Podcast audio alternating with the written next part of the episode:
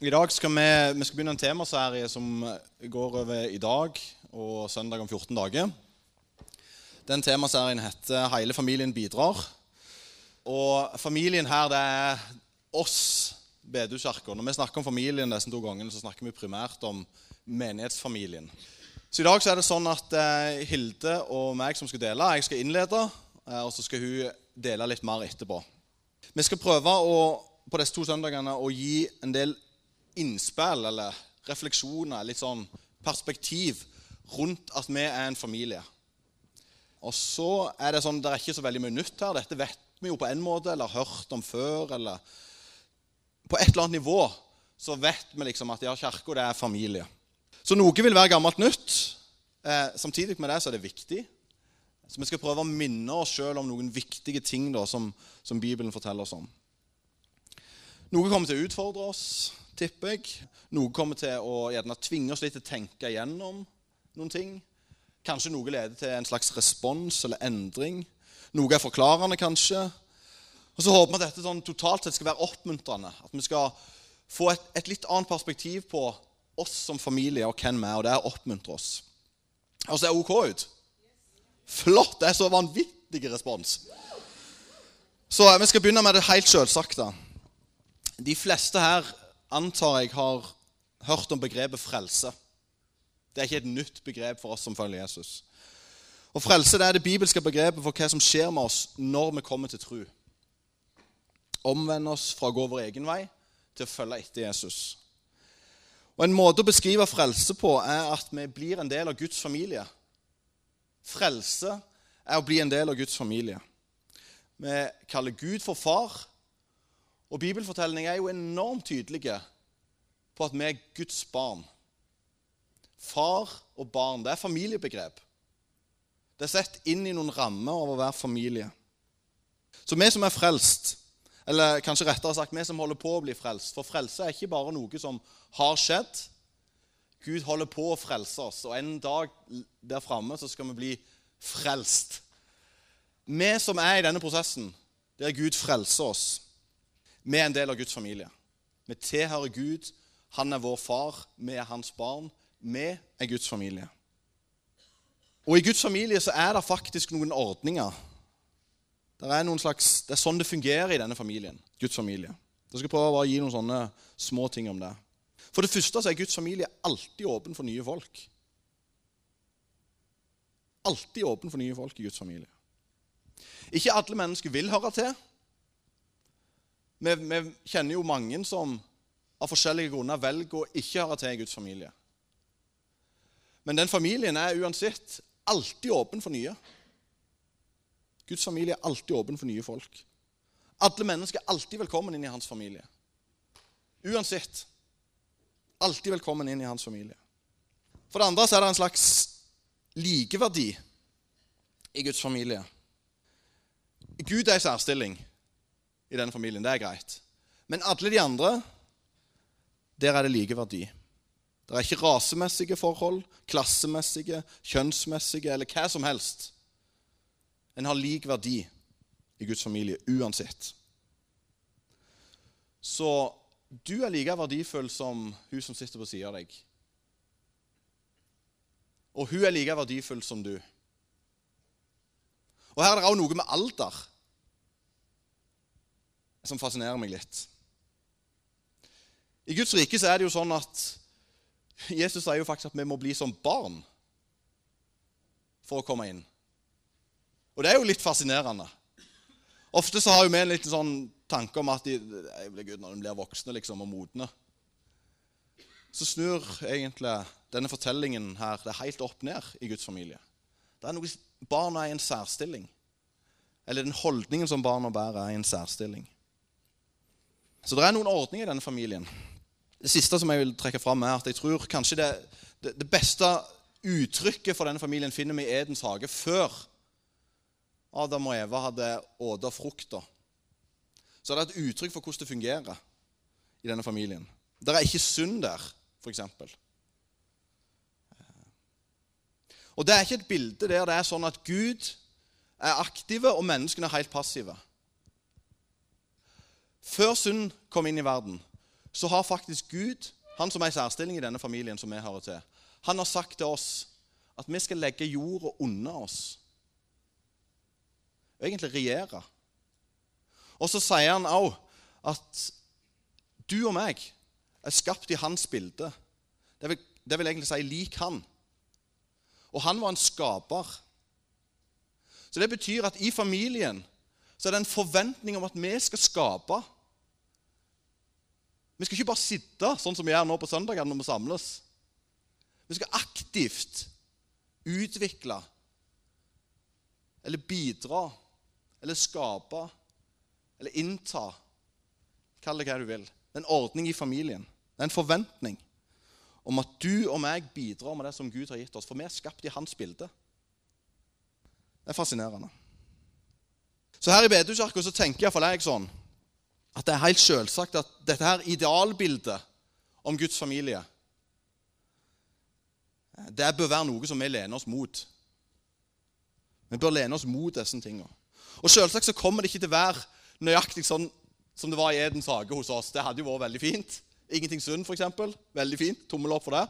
Det kommer ikke til å bli helt sånn. Men selvsagt så skal vi lene oss den veien, tenker jeg. Det er det vi strekker oss etter. Det er det vi setter våre verdier for hvem vi er, og hvordan vi vil at ting skal fungere. Jeg tenker på mange måter at Bedehuskirka skal være en slags sånn smaksprøve for hvordan det var den gangen, og hvordan det kommer til å bli en gang der framme. De tingene som vi ser i Guds familie, de bør vi prøve å uttrykke i hvordan vi er, og hvem vi er i Bedehuskirka. Jesus er sentrum her. Det sier vi ofte. Han er hodet, og vi er kroppen. Så hvordan kan vi komme nærmere dette her bildet? Det idealbildet. Så I denne temaserien her så skal vi snakke om å bidra. Kanskje litt merkelig ord, da. Men når vi har jobbet med dette på forhånd, så har vi vært litt på leit til å finne et, et, litt nytt ord som vi kan prøve å fylle med litt innhold. Derfor har vi valgt dette ordet her 'bidra'. Det er ikke noe vi bruker ofte. Men vi skal prøve å fylle det med innhold denne søndagen og søndagen om 14 dager. Bidra handler om å involvere seg. Og vi ønsker oss en stor familie der flest mulig er involvert. Flest mulig bidrar med de gavene som Gud har gitt. Flest mulig av oss. Det er så vanvittig lett for oss å tenke at vi ikke har noe å bidra med. Og så begynner vi å argumentere ut ifra hva vi ser, eller hva vi føler. Han er bedre enn meg. Ah, jeg føler meg ikke i form i dag. Så blir vi passive. Bidra handler om å involvere seg med det Gud har gitt deg. Noen tenker at de ikke kan nok. Noen tenker at de er for unge. Noen tenker at en har for lite erfaring. I, I, denne boka her Hvor kommer egentlig unnskyldningene fra i denne fortellingen her? Hver gang menneskene begynner å komme med unnskyldninger, så kommer de fra fienden. For Gud ser noe helt annet som regel enn det vi bruker når vi unnskylder oss. 'Men jeg kan ikke bidra.' 'Jeg har jo gjort sånn og sånn.'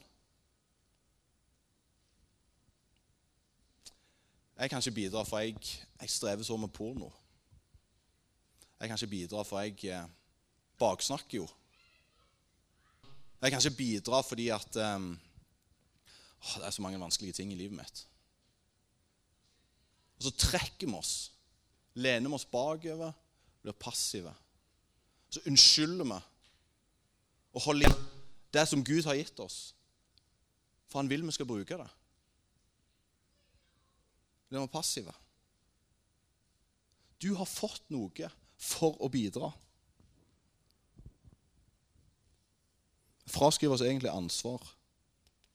Det er jo kjipt, egentlig. Tror du Jesus har frelst deg? Tror du det? Så Hvis ja, så er du en del av Guds familie. Og Vi kan ha unnskyldninger eller forklaringer hvorfor vi ikke er involvert så ofte. Samtidig så tror jeg vi, har lyst, vi trenger å bli utfordra på de unnskyldningene. For du har noe som du har fått, som du kan bidra med. så en liten sånn pause for dette her med bedekirke som familie. I, I, de fleste sånn vanlige familier, hvis det går an å kalle det det, så er det et slags forhold mellom uorganiserte bidrag og organiserte bidrag. Jeg skal ta noen eksempler fra familien Rake. Det er min familie. Den ser sånn ut. Det er, det er, jo den flotteste familien av alle her inne. Og i vår familie så har vi en god del organiserte bidrag. Nå skal dere få høre litt om dem. Eh, Mari det er kona mi. Hun har ansvar for å vaske klær. Eh, Thomas det er meg. Jeg har ansvar for å handle matvarer og lage middag. Mari hun har ansvar for å vaske badene. Takk Gud. Thomas, det er meg. Jeg har ansvaret for å støvsuge alle gulvene. Eh, og dette er vi avklart. Så det betyr at eh, når jeg på fredag ikke hadde støvsugd andre etasjen, så ble det bemerka på lørdag. Selvsagt, for det var jo, avtalen er jo at det skulle jeg gjøre. Er det noen som har liksom noenlunde det Liksom lignende? Da lurer jeg på en sånn ting. Hvorfor i all verden er det avklart sånn? Hvorfor stoler vi ikke bare på at dette ordner seg sjøl? Hadde ikke det vært helt ideelt? Vi, vi, gjorde ingen avtaler, men alle tingene bare ble organisert. Det ble bare fiksa. Det var alltid noen som støvsugde. Det var alltid noen som handla. Det var alltid noen som lagde middag. Det var alltid noen som vasket klær. Men vi, vi lagde ingen avtaler på det, for vi vil at det bare skal fungere. Noen som prøver seg den veien? Hvis dere har prøvd dere den veien, da har jeg lyst til å treffe dere etterpå. Det er en grunn til at vi organiserer. sant? I vår familie er det faktisk sånn at ungene òg gjør noe. Kan dere tenke dere? Så Tobias han, eh, han vasker egentlig hele kjelleren. Det vil si støvsuger, tørker støv, vasker badet, rydder. Og det skal skje på en bestemt dag. Og så har vi ei kjellerstove som er legerom. Eh, der ble det ofte å være ganske rotete. Der kunne jo vi bare valgt sånn Vi, vi, vi stoler jo bare på at de, de, unger, de fikser jo det slett sjøl, ungene. De rydder jo selvsagt. Det er sånn pleier det, sant? Nei. Sånn funker det ikke hos oss. Men av og til så sier plutselig Sanna eller Tobias vi rydda kjellerstova. Og det er jo helt fantastisk når det skjer. Sånn helt sånn uorganisert at noen bare plutselig fikser noe. Men det skjer vanvittig sjeldent at jeg bare helt sånn av meg sjøl kom på nå skal jeg vaske klær. Altså, det, det, er sånn Det går bare ikke inn. Men når det er liksom uorganiserte ting skjer, så er det jo, det er jo helt sånn utrolig. Eh, og vi blir helt sånn Å, for noen prakteksemplarer av noen unger. Men at vi voksne liksom bare gjør de uorganiserte tingene, helt umulig. Men det funker hvis Mari sier til meg Thomas, eh, i morgen da er jeg på jobb på ettermiddagen. Gidder du vaske noen klær? Så sier jeg ja, det skal jeg prøve å huske. sier jeg. Og da er det ganske mye større sjanse for det skjer enn hvis det ikke blir snakket om, og hun bare hadde håpet at ja, men det plukker sikkert, helt sikkert Thomas opp.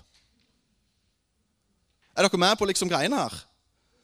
Poenget er at um, vi organiserer ting for at det skal fungere i familien vår. For at det skal fungere best mulig.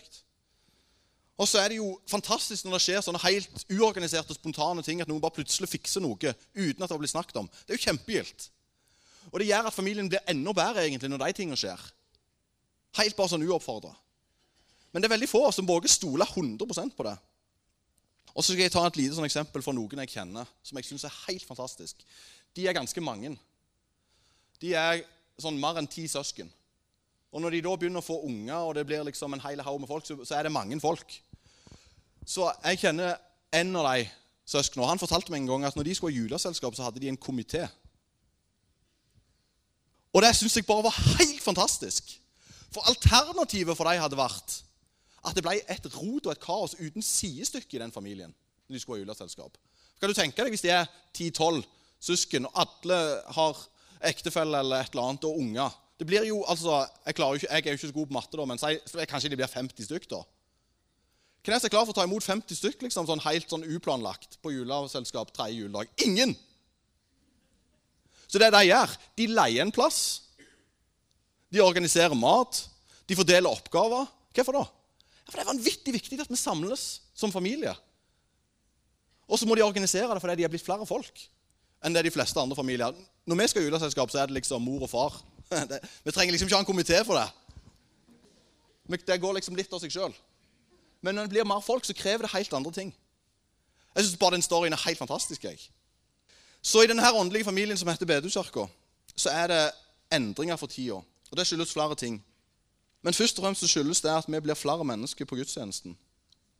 Og det skyldes også at vi satser. Så gudstjenestebesøk ser for dere som bryr dere om dette, sånn som dette ut. Hele våren 2018 så var det et snitt på 176 på gudstjeneste.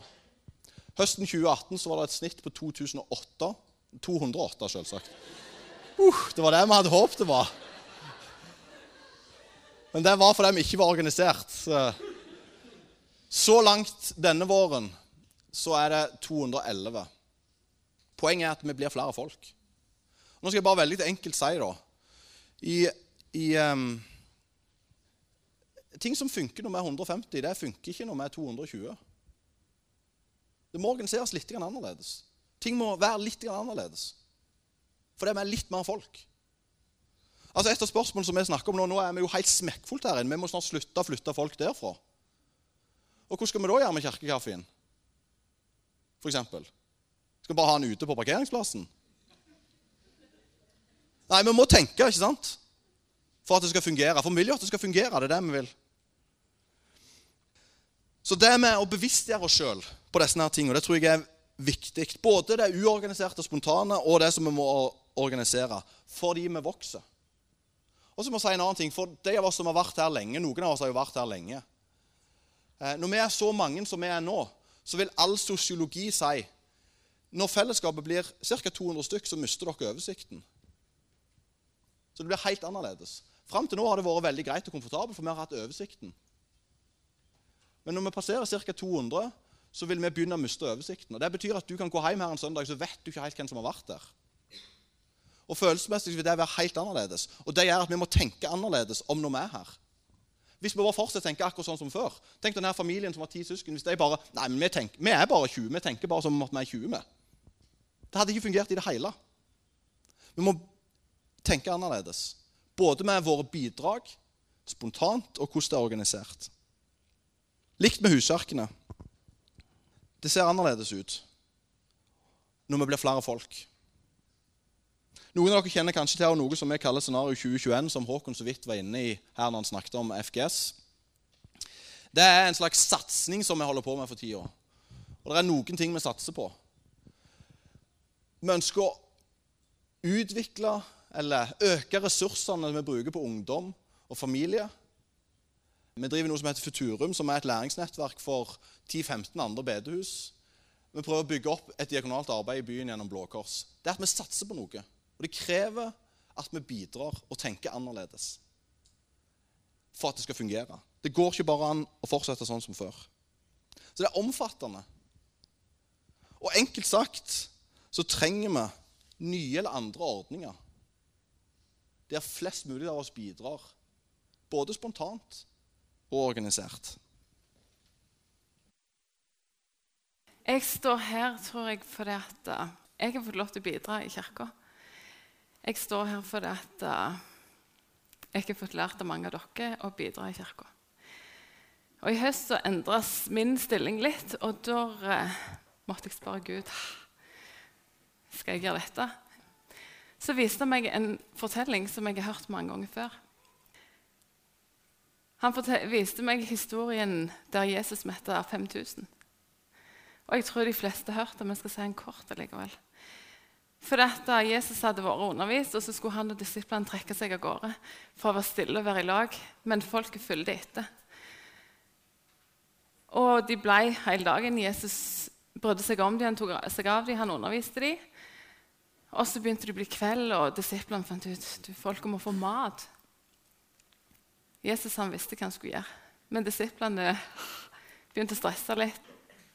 Og ble usikre når de fant ut at de skulle være med og hjelpe til.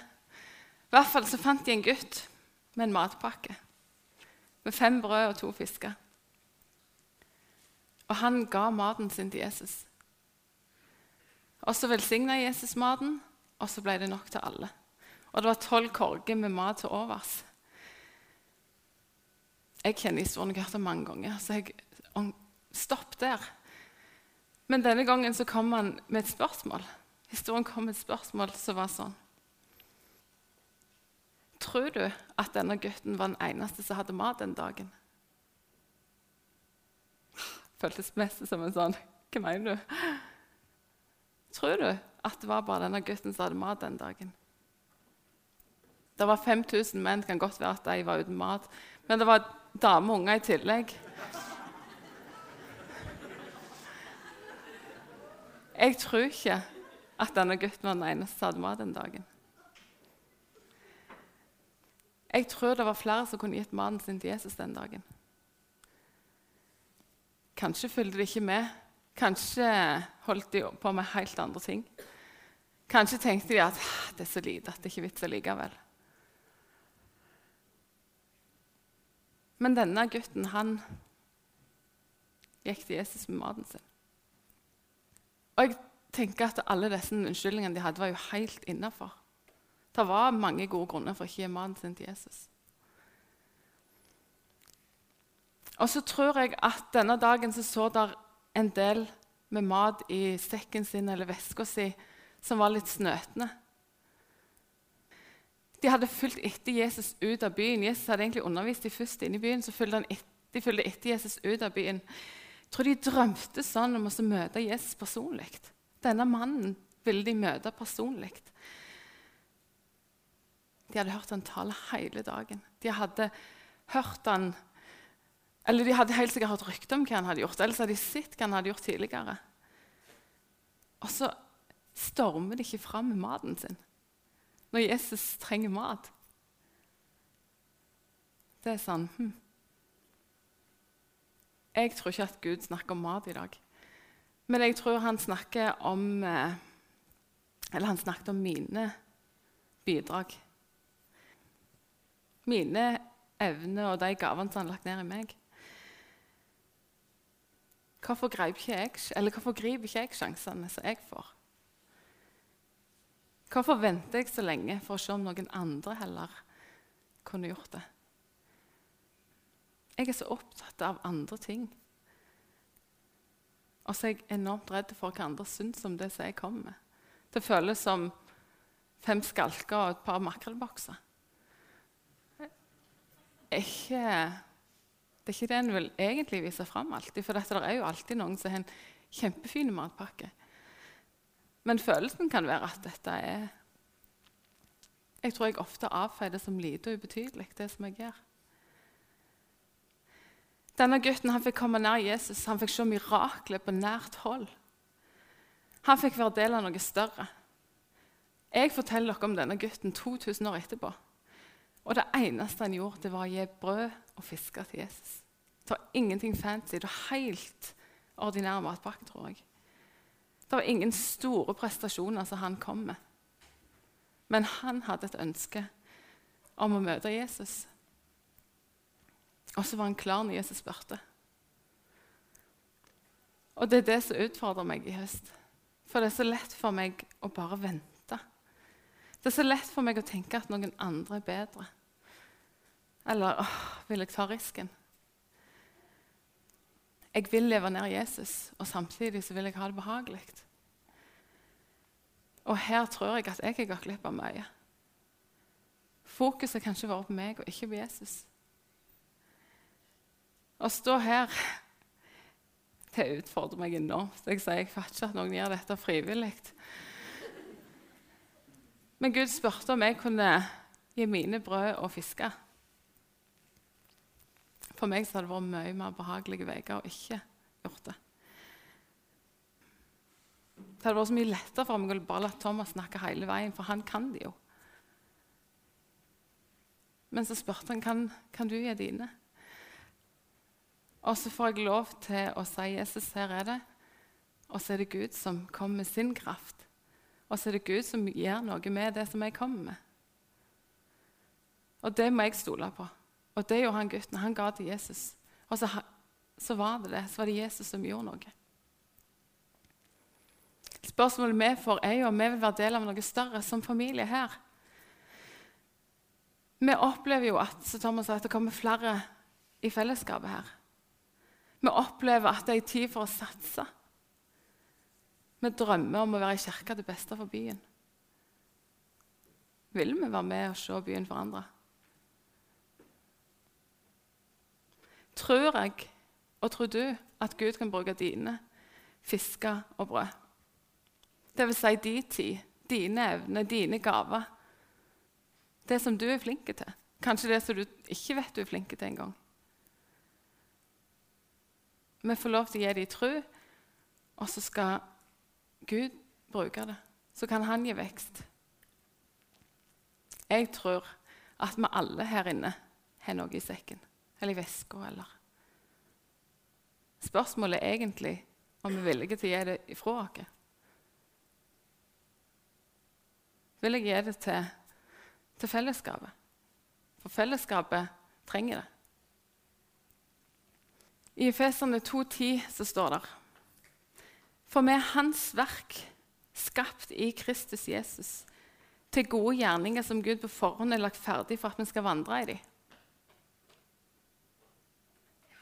Her er det veldig lite jeg skal gjøre, og veldig mye Gud skal gjøre. heldigvis. Gud har skapt meg. Han har lagt klar gjerningene. Jeg skal vandre i dem. Jeg er hans verk. Skapt i Kristus Jesus, står der. Det er sånn jeg kan lese som mest ikke tar det inn over meg, hva det faktisk står.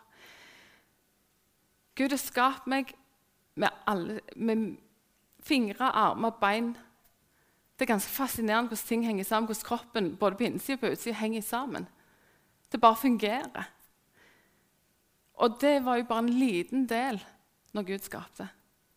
Han skapte kroppen, men han skapte jo meg med mine evner, mine gaver og ting jeg kan og ting jeg ikke kan. Det var ikke alt jeg trengte å ha i meg. Men han skapte meg med noe, og så skapte han deg med noe annet. Det var ikke tilfeldig at du fikk din utrustning eller dine talent. Gud hadde en hensikt med det. Det som handler ned i deg, det er det som er dine brød og fisker, som du kan gi. Vi er skapt til gode gjerninger som, er, som Gud på forhånd lagt klar, så vi kan vandre i dem. Vi er skapt for å bidra i fellesskap, ikke bare bruke ressursene. Sånn er det. Og det skjer noe når vi får bruke det vi kan. Og det skjer noe når vi får trå utpå og prøve det som vi ikke kan, men som kanskje lå der som vi skulle prøve. Og så var det ikke farlig å si uff, nei, det var, det var, ikke der jeg skulle være. Jeg skulle ha vært, jeg, jeg kan prøve det. Men vi må våge å prøve det. Hver gang du bidrar, om det er stort eller lite Hver gang du bruker det som Gud lagt ned i deg, så gjør du det for Han. Du gir Han ære. Det var sånn det var meint å være. Og Gud har en plass for deg i bedekirka. Jeg våger å tro at det ikke er tilfeldig at jeg er i bedekirka. Men han hadde ikke bare det, han hadde et oppdrag ut i verden. De to tror jeg trenger å henge sammen. Vi skal være her, og så skal vi ut i verden. Skal vi fylle ord med bidrag, ordet 'bidrag' med innhold, så tror jeg vi trenger å se på Jesus. Og han snakker om å være slave og tjener. Han snudde ting på hodet. Det som ofte ser en trakt etter, det er jo suksess og Men han sier i Matteus at den som vil være stor blant dere, skal være tjeneren deres. Og den som vil være først, skal være slaven deres. Sånn ikke heller menneskesønnen kommet for å la seg tjene, men sjøl å tjene og gi livet sitt for mange. Gi livet sitt som løsepenger for mange. Jesus kom for å tjene og ga livet sitt. Jeg tror han snakker om hjertet mitt. At jeg tror ikke i dag at vi skal snakke om å være slave og tjene, men jeg tror noe med hjertet, at fokuset mitt flyttes ifra meg over på den som jeg tjener. For uansett så tjener vi et eller annet. Vi blir ikke frelst av å tjene, men vi tjener for at vi er frelst. Vi blir ikke frelst av å bidra, men vi bidrar fordi vi er frelst. Vi kom her for 13 år siden. Jeg kjente ingen, faktisk. Og Det er helt utrolig å si at jeg kjente ingen når vi kom her. Vi hadde vært ute før oss og sett at det hang lapp ute på oppslagstavla når det var møte. Så fant vi ut av møte her, og så kom vi. Og så ble vi tatt imot. Det var noen som hadde rigget til, hadde forberedt mat nede i kjelleren. Fikk varm mat når vi kom der. Og det var noen som hadde vast. Det var noen som talte og delte. Noen hadde lovsang. Og så fikk vi komme eh, og bli en del her. Vi ble tatt imot sånn at vi kjente at her vil vi komme igjen. Og det tror jeg mange her har hatt det sånn. Det kan være vi kjente noen. Men jeg tror de aller fleste her er her fordi at noen har bidratt. Noen har gitt av sin tid, sine evner og sine gaver. Jeg har fått lov til å være i frivillig stab en stund. Nå har jeg til og med fått uh, en stilling. Men det gjør at jeg har fått lov til å være med mange som har bidratt inn i fellesskapet. Jeg har fått sett og lært av mange som, som kanskje går her, kommer her tidlig, rigger til. Det er ingen andre. Eh, som kanskje står igjen og rydder. Det er noen som spiller lenge før vi kommer. Hvorfor det? Jeg er enormt glad i lederne i mine disipler, f.eks. De eh, kommer med De tipper de dropper den lange søndagsfrokosten som vi egentlig gleder oss til. Den dropper de i dag. De henter deg under armen eller vesker med figurer. Og T-skjortene er rimelig svette når de er ferdige.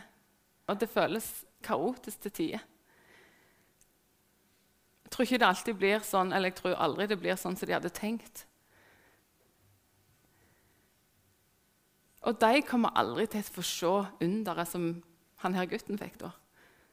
Det kan være at de får se glimt, men de skal sende av gårde disse ungene lenge før de får se gleden over at de kanskje blir eh, vet ikke jeg hva de skal bli, prest eller predikant eller eh, lovsangsleder eller stå nede på kjøkkenet og tjene. Veldig ofte så tror jeg ikke disse får se dem. Men de gjør det. De kommer søndag etter søndag. Og noen er i årevis.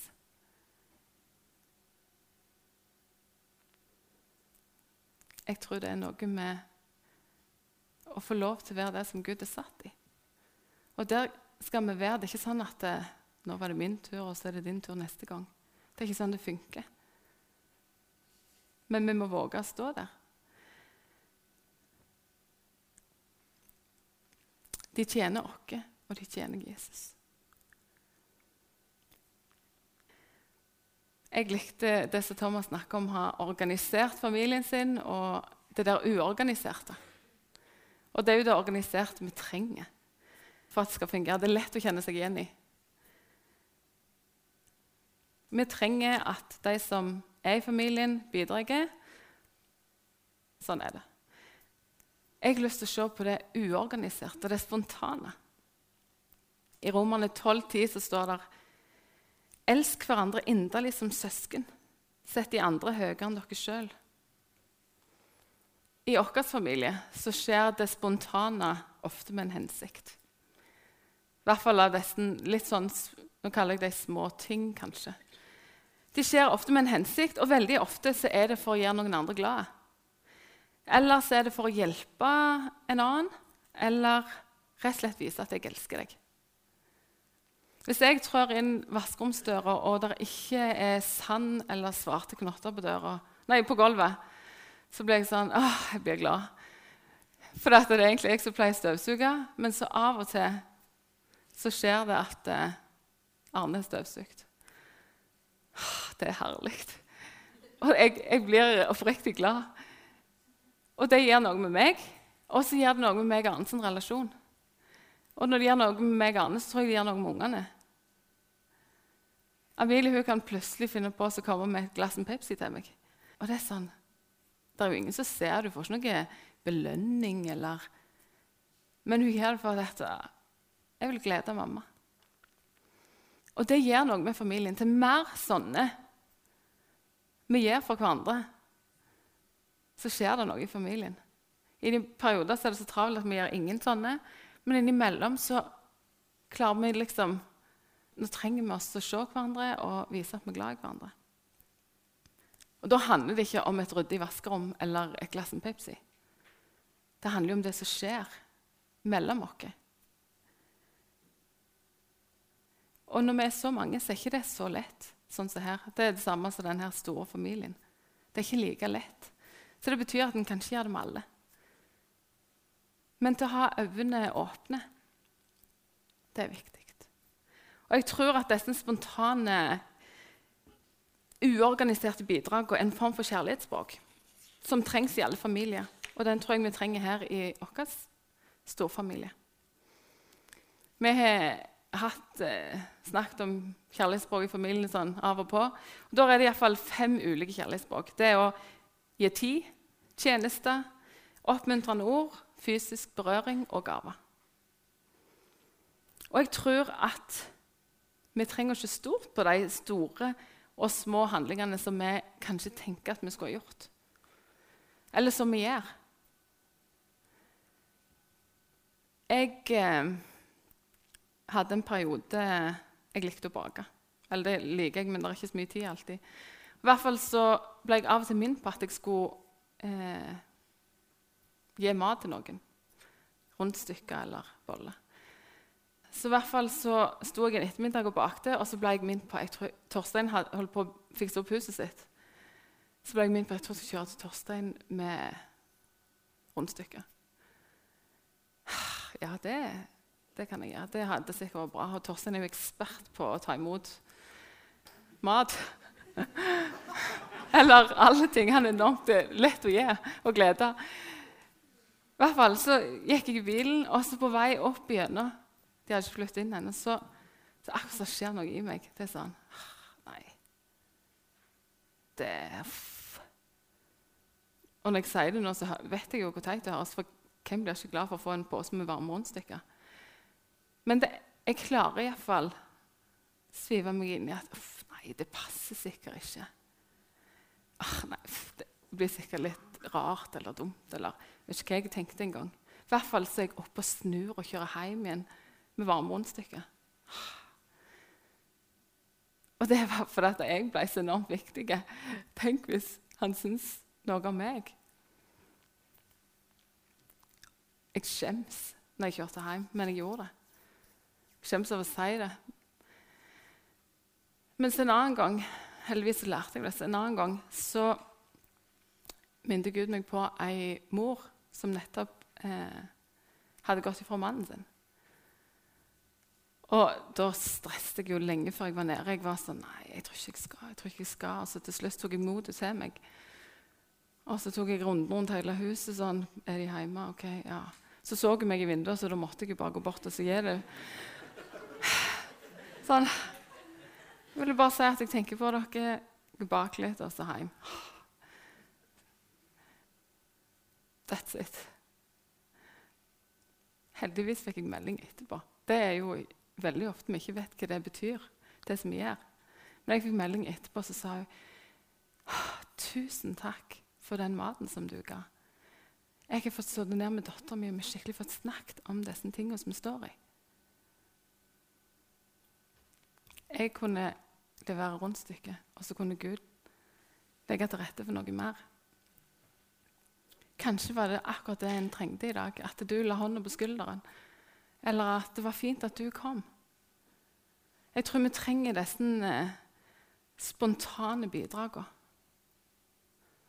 For et par søndager siden så, så jeg og kikket på denne fine guttegjengen. Jeg er veldig glad i disse between-guttene. Og da var det en som kom litt for seint.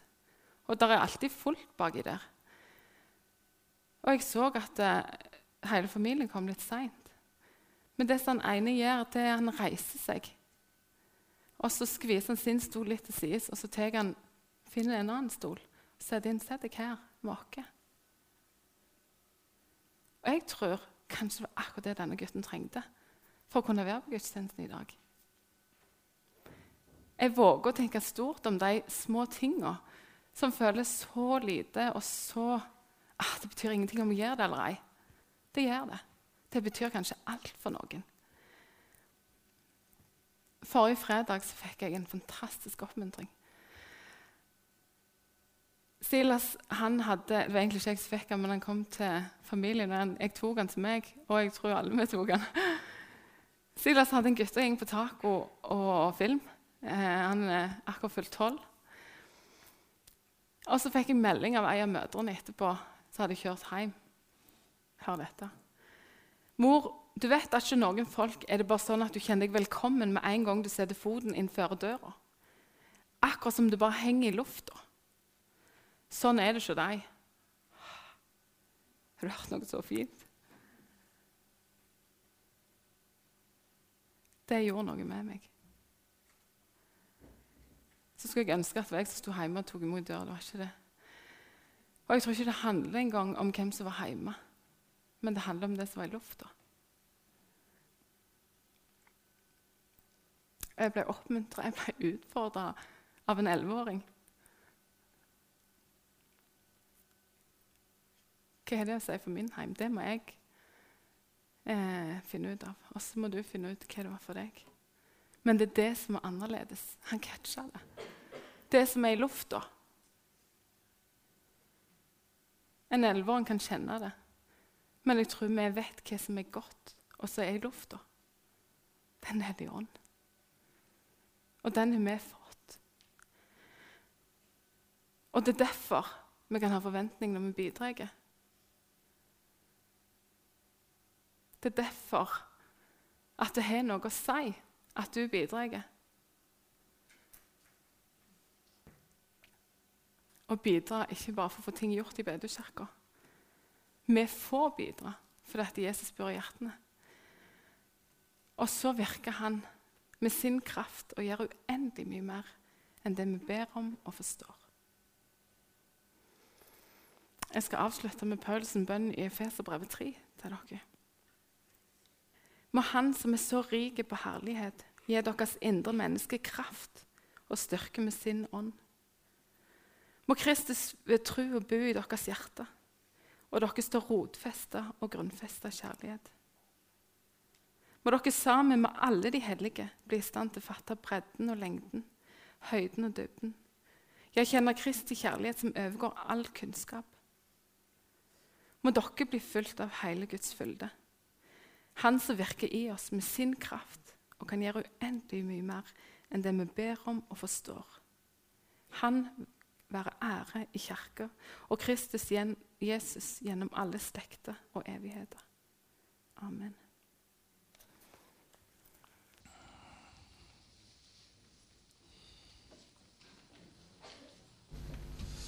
Vi prøver å stå og bare være stille litt for å la ting synke inn. Skal vi gjøre det? Skal jeg bare be litt kort nå, og så er vi stille litt, og så skal jeg be litt igjen før vi lovsynger. Jesus, tusen takk for at du har lagt ned i oss en haug med ting som du ønsker å virke gjennom.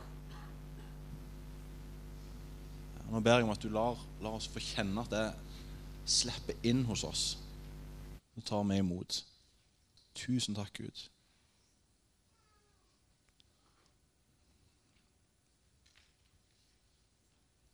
Takk for at du har skapt oss til å få lov til å bidra. Og hjelp oss å våge, Herre. Og jeg ber om at det skal henge i lufta hos oss her i Bedekirka. Folk merker det, Herre. Tusen takk for alle de fantastiske folka som er her, og som hører til. Tusen takk for at du ønsker å virke i oss og gjennom oss, Herre, med stor kraft. Og gi oss frimodighet, Gud. Amen. Så skal vi bruke tid til ungene kommer til å løfte fokuset opp på Gud. Og som alltid så er det mulighet for forbønn framme der. Eh, det er forbedere som venter. Eh, hva som helst du trenger forbønn for, nå er muligheten. Og så tror jeg at eh, Disse tingene som vi har snakket om i dag, de må få lov til å synke inn i livet vårt. Så jeg har lyst til å oppmuntre oss til å snakke om dette. Snakk om det. Del. For det skjer noe når vi snakker sammen. Eh, Så skal vi rette fokuset nå over på han som, han som kan gi oss alt vi trenger for å leve. Alt vi trenger for å bidra. Det handler ikke om hva du kan prestere, men det handler om hva han kan gjøre. Så Derfor retter vi blikket på han. Så når vi tilber nå, så, så gjør det med liksom Åh, Gud, tusen takk. For at vi kan få retta blikket på deg. Og så, så, så prøver vi å lufte hjertene våre opp til Han som fortjener det. Han som er stor og mektig. Så når vi tilber, så synger vi alt vi kan til Han.